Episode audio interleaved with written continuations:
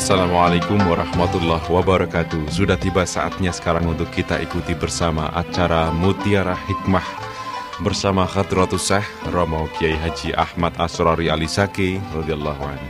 Pengasuh Pondok Pesantren Al-Fitrah Kedinding Surabaya. Hari ini kita sudah sampai pada seri yang kedua Dengan bahasan ilmu. Selamat mengikuti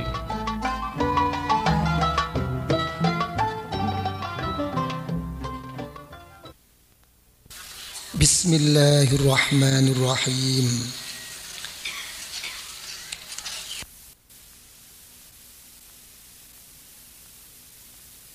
وبه نستعين على أمور الدنيا والدين. والصلاة والسلام على سيد المرسلين. سيدنا وشفيعنا وقرة أعيننا ومولانا محمد وعلى آله وأصحابه أجمعين. ولا حول ولا قوة إلا بالله العلي العظيم. أما بعد.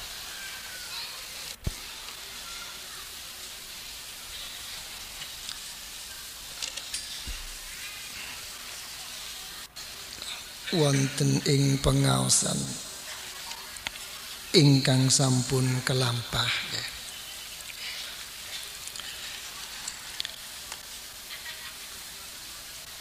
ing riku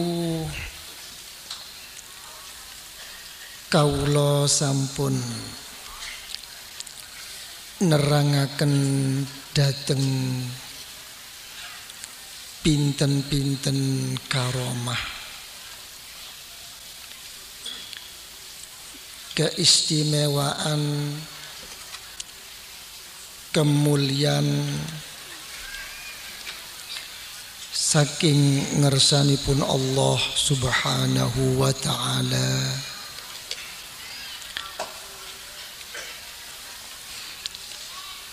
Ing pundi cara ringkesipun karomah kala wau dipun bagi wonten tiga. Inggih menika wonten karamatul zahiriyah awil hissiyah wonten karamatul batiniyah awil ma'nawiyah awil hakikiyah. Lajeng ya, wonten ingkang kesebut kalebet a'zamul karamah. Agung-agungipun karomah karomah zahiriyah inggih menika ingkang arupi kamulyan. Ingkang bangsa zahir kados saged melampah wonten ing sak nginggilipun banyu. Kados saged mabur wonten ing awang-awang. Kados saged ngelempit utawi nyepetaken lelampahan. Utawi kados nyumberipun banyu wonten ing astanipun utawi wonten ing pundi kemawon? Kados nyumerapi dhateng sedaya kemawon ingkang gaib niki kala wau sedaya napa? Kelebet karomah bangsa zahir. Lajeng karomah ingkang kalih inggih menika karomah bangsa batin. Karomah maknawiyah utawi hakikiyah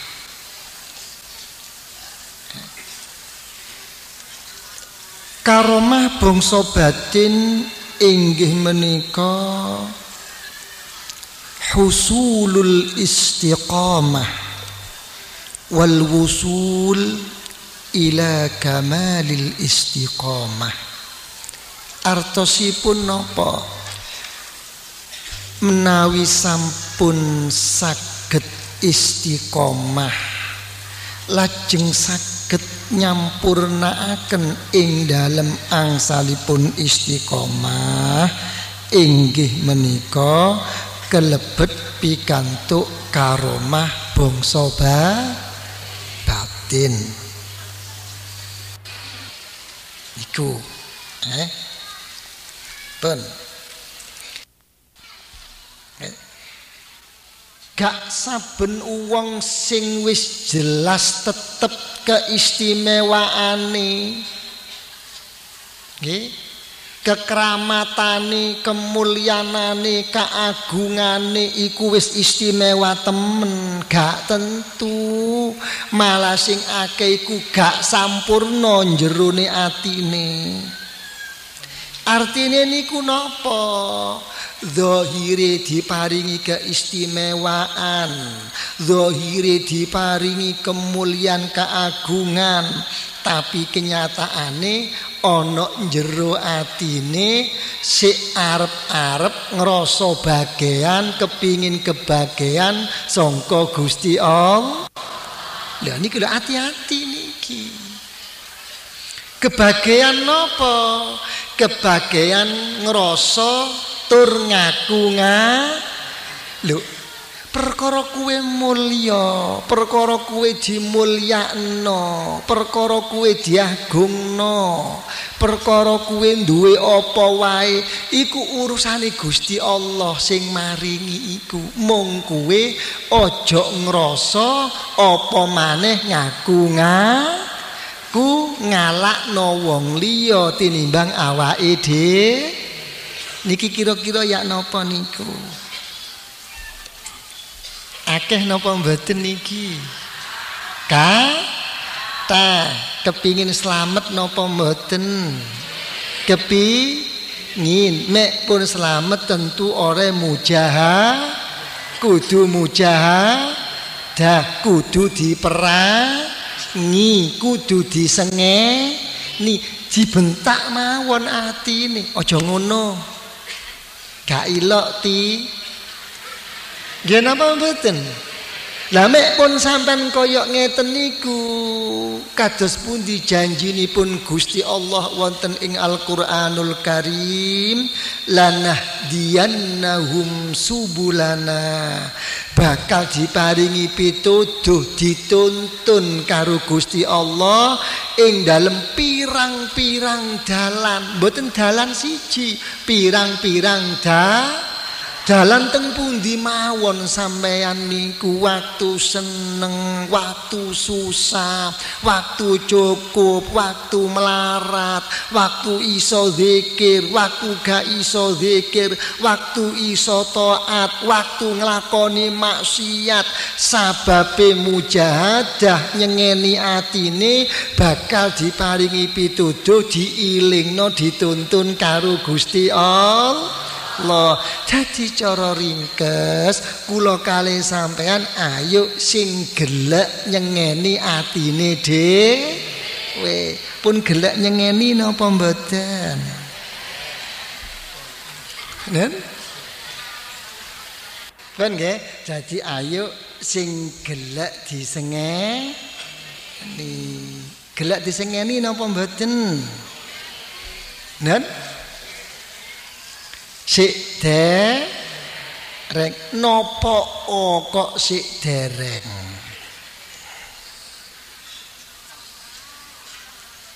Nen? Angsalipun kula kali panjenengan niku mboten saged utawi mboten ngilingi nyengeni karo awake dhewe merga sik durung paham durung ngerti sapa awake sapa pangerane mangkane akhire mboten saged ngerteni mboten saged neri mo Nggih napa mboten? Angsalipun kula kali panjenengan niku mboten saged nrimo niku merga napa? Nen? Kok mboten saged eling? Merga kula kali sampean niku napa atine dialing-alingi dening Gusti Allah? Dialing-alingi napa? Lha niki lho. sing ditakokno dialing-alingi gawan kula kali panjenengan saking ngersanipun Gusti Allah. Nggawa napa kula kali sampeyan niku? Nggih cara ruhani pun jelas kula kali sampean nderek dawuhipun Rasulullah sallallahu alaihi wa alihi wasallam. Dawuhaken napa كل مولود يولد على الفطرة. Gitu. Asal usule rohani kula kali panjenengan niku pancen suci. Tandane kula niku kali sampean niku suci. Ojo mane wong nglakoni api. Senajan wong niku nglakoni elek dosa yak napa mawon sik ana senajan cilik ana jerone atine duwe krentek kepingin slamet nggih napa mboten? Iki lho Kan? Sik enten, mboten enten. Wong kadang-kadang niku masih nyolong iki pengin selamat kok. Nggih napa mboten? Nyolong barang colongan. Digodak wong sak kampung. Donga menyang Gusti Allah. Ya Allah salimna ya Allah. Wa khallisna panjenengan selametaken kula ya Allah. Ampun sampai kecekel wong kampung kula ya Allah. Lho nggih napa mboten? Sampean takokno ta? Sampean nek mboten nate coba sampean praktek maling Nggih tak ojo ditemeni lho. Engko sandal ilang kabeh iki engko. Lha niki lho. Niku ndodokno yuladu alal fitrah. Kita. Tapi barang rohani niku nemplek niki lho. Teng jasadun kasif ana jasad sing atos kaya ngeten niku mulai timbul nafsu sampeyan nggawa napa? Nderek dawuhipun Gusti Allah wonten ing Al-Qur'anul Karim A'udzu billahi minasyaitonir rajim زين للناس حب الشهوات من النساء والبنين والقناطير المقنطرة من الذهب والفضة والخيل المسومة والأنعام والحرث. ذلك متاع الحياة الدنيا والله عنده حسن المآب. dadi cara ringkes kula kali panjenengan niku barang wis didadekno menungsa dihiasi karo Gusti Allah. Nggawa hiasan napa? Seneng dateng nuruti syahwat. Tapi niki merupakan hiasan. Sak sak pinten angsalipun kula kali sampean niku mujahadah, merangi nyengeni ati. Wong hiasan kok. Jenenge hiasan niku lak mboten langgeng ta. Nggih napa mboten? Napa wong ayu niku mergo macak langgeng ayune. Kira-kira mek lambene sing abang kelunturan udan ya napa? Nggih napa mboten? Napa malih napa niku? Apa? Mboten sing kadang-kadang abang ijo niku lho. Apa? Apa? Asido. Hah? Gak sido. Nggih ta? Napa malih mek sampe napa? Kenek banyu, kira-kira jembret napa mboten? Niki lho. Jadi kula kali sampean niku napa? Dihiasi. Ayo kata-kata dihiasi niku napa? Mek pancen ana ayo dimujadai diilangno. Mek pancen gak ana supaya aja kete ketepo. Nggih napa mboten? Dihiasi napa kula kali sampean sing lanang seneng wong wedok, sing wedok ya seneng karo wong lanang. Nggih napa mboten? Nggih ta. Senajan to Kanjeng Nabi niku pun dawuh wong rabi ku perlu nek aghdulil basor supaya luwih meremno mripate, gak gampang ketarik, gak gampang kepincut karo wong wedok liya. Wong wedok liya ya gak kepincut karo wong lanang liya. Nggih napa mboten? Tapi kalau tak takon, sampan barang pun rabi niki lho, tambah merem napa tambah mendeli? Nen? Nen? Niki enten niki? Nggih? Mungkin barang pun dionceki malih. Nggih Yai, kula niku tambah mendeli, tak takokno maneh. Kira-kira mendelikmu karo arek-arek sing si SMA, sing si mahasiswa, karo mendelikmu karo wong-wong sing bojone wong kira-kira mendelik pundi? Hati-hati niki enten tahapane niki. Kadang-kadang niku wis gak iso ngomong rek. Sungkan kula. Lho niki lho digrayangi.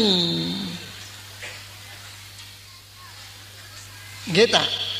Tertarik dateng wong lanang, wong wedok padha tertarik. Eh, niku lho dihiasi niki wal. Seneng karo anak. Nggih napa mboten? Nek kadang-kadang kadung cemburu karo anak, ojo maneh anak bener, masih salah dibela. Niki hati-hati kabeh niki. Zuyyina linnas hubbus syahwat. Kita ngumpulno napa mawon, napa donya napa mawon. Niku lho gawan kula kali panjenengan. Nggih napa mboten?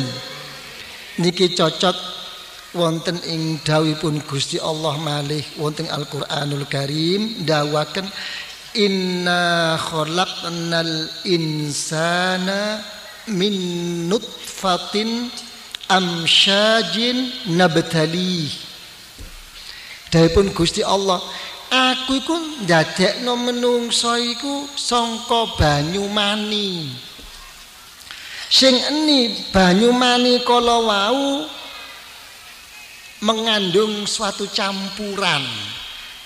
Gara-gara mengandung satu campuran iku pun Gusti Allah tak uji karo kaku awakmu.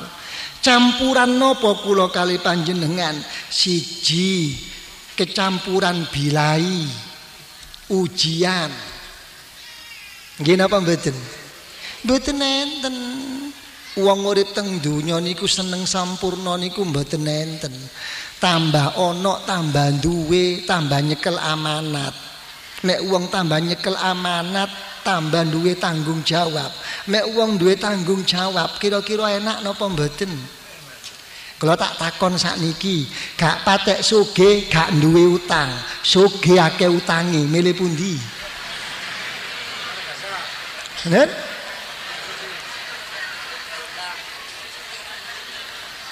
Nen? Nggih napa mboten? Pun, mek pun ngeten kula takokno. Ayo wong-wong sing sugih-sugih niku lho perusahaane gede-gede niku lho sampean takokno. Napa enten sing mboten nggak ada kredit? Nen? Nggih ta? Sing jeneng wong sugih niku wong biyen, mboten enten bayar belakang, mboten enten bayar muka utawa kontan koran piro? Nggih napa mboten? Sakniki niki mboten. Kabeh kula kali sampean niku napa sing akeh ngebon. Ngono ngomong wong sugih. Pun nggih, kecampuran napa? Kecampuran ba bala. Nomor loro kecampuran hawa. Nomor telu kecampuran syah syahwat lho niku lho. Niki lho oyo kula kali sampean niku dorong-dorong pun campur niku. Ayo mbegedu to. Pun nggih? Jadi cara ringkes napa sing ndarakno kula kali panjenengan niku mboten saged paham kaya ngeten niku merga napa atine dialing-alingi napa merga dihiasi nuruti syah syahwat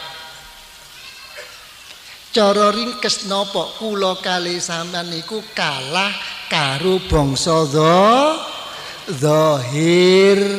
Artine mek sampean kali kula niku mek duwe napa mawon sing bangsa zahir boten ditembusno pemandenge atine dibalekaken dhateng Gusti Allah. Nggih napa mboten? Lah mek pun kaya ngeten niku kula kali sampean niku kados pundi? Kepingin mulya napa mboten? Dan kepingin mul? Angsalipun kula kali sampean niku kepingin mulya niku senden teng pundi mulyane niku? Mboten enten wong mboten kepingin mulya niku kabeh wong niku kepingin mulya mulyaning mulya niku napa? Dibarengi diridhoi karo Gusti Allah cuma sendene mulya niku lho sing kadang-kadang niku sok kualik.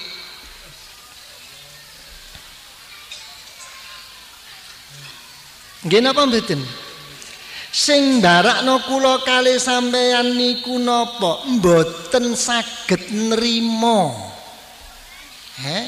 mboten saged mantep dateng punapa mawon saking ngersanipun Gusti Allah. Merga kula kali sampean iku pikirane cuma iso senden mulyane kepingin iso mulya liwat napa? Liwat senden sing pancen boten abadi. Senden karo wong Nggih napa mboten? Napa contone kepingin mulya? Nggih ta? Ana ing napa? Kepemimpinan. Niki kathah napa mboten? Supaya aku dadi ngene, supaya aku iso ngono, aku tak marek karo iku wae. Niki kathah napa mboten? Mumpung iku saiki dadi wong, mungkin iku saiki jadi pejabat awak-awak iki kecangking. Gini apa mboten? Niki lho mungkin kadang-kadang oleh dek ini senden kepingin mulya senden teng pundi senden melok pengikut. Aku diwong no wong aku dikiai no wong muridku akeh pemimpinku akeh sing tak pimpin. Nggih napa mboten? Niku disendeni, mboten ditolak nek jerone atine. Kon gak weruh ta? Sapa aku? Lha niki lho. Nggih ta? Aku iki lha niki disendeni perkara kula kalih sampean diwehi mulya karo Gusti Allah liwat napa mawon monggo mung ojo disende disendeni. Nggih ta? Kadang-kadang niku liwat napa? Oleh senden dekne mulya senden mergo duwe donya. Adigung adigu. No senden karo pelungguane. Nggih ta? Senden karo kedudukane. Niki kabeh niku napa? Dalan-dalan mulya sing boten abah sing boten abadi niki. Niki kira-kira kathah napa mboten niki Nen? Niki lho, dadi senden sing kaya ngeten niku napa? Senden sing boten gen genah, boten kurangan. Kadang-kadang wong pegawe negeri, napa pegawe teng kantor, wis kadung senden karo direktur utamane.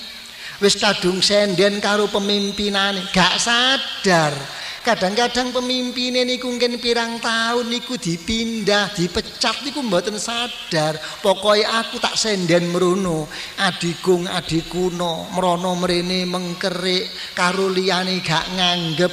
Engko barang wis pemimpinnya dipindah karo sing atasane, kawet krasa dimusuhi karo kanan kirine. Kira-kira akeh napa mboten? Nen? Ayo, ana sing pegawai kantor napa mboten niku. Hati-hati lho. Nggih. Lho niki napa? Senden sing mboten tep Pak. Jadi cara ringkes napa? Kula kali sampean niku kepingin dadi wong sing mul ya, kepingin arep-arep mulya sangka Gusti Allah. Lo liwat nopo? Ayo liwat sendenan sing abadi. Len sendenan sing langgeng sing kenek sampai besok digawa mati. Kepingin nopo mboten? Senden sing genah niku mek kula angen-angen enten tigang sendenan. Eh, siji senden kelayan Gusti Allah. Ya. Nomor kali senden liwat nopo liwat ngabekti taat dateng Gusti Allah. Ya. Nomor tiga senden mulya nopo mul senden liwat parek mareki dateng sinten kumawon sing wis jelas mulyane ana ing ngersanipun Gusti Allah. Sinten menika senden dateng para wali-walinipun Gusti Allah? Senden dateng sinten kemawon ingkang cinta dicintai dening Gusti Allah? Ugi senden dateng para ibadillahi salih ini kita dan kepingin apa mboten? Dan kepingin. Kula oncek. Ya. Nomor setunggal oleh uang iku iso mulya dadi mulya sangka Gusti Allah. Liwat senden menyang Gusti Allah niku yak napa prakteke? Prakteke nomor setunggal napa? Ngegungno Gusti Allah.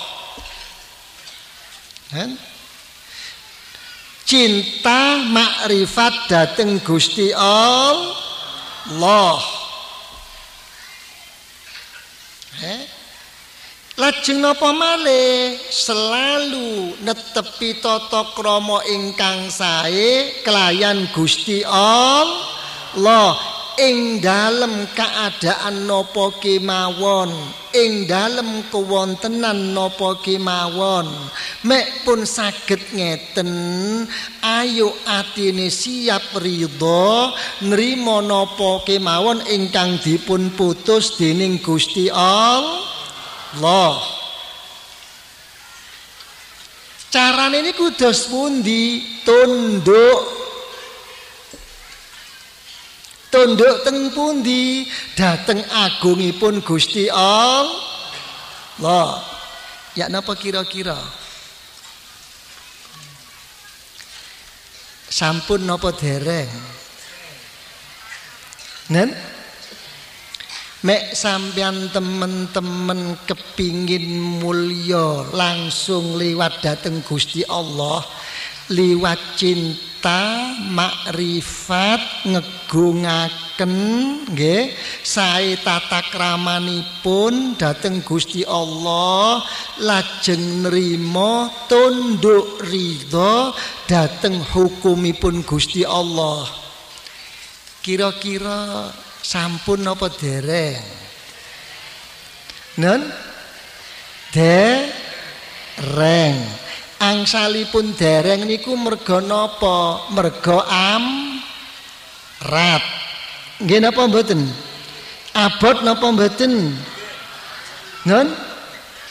Abot oleh sampean kali kula niku pancen temen-temen abot napa pancen merga mboten eling?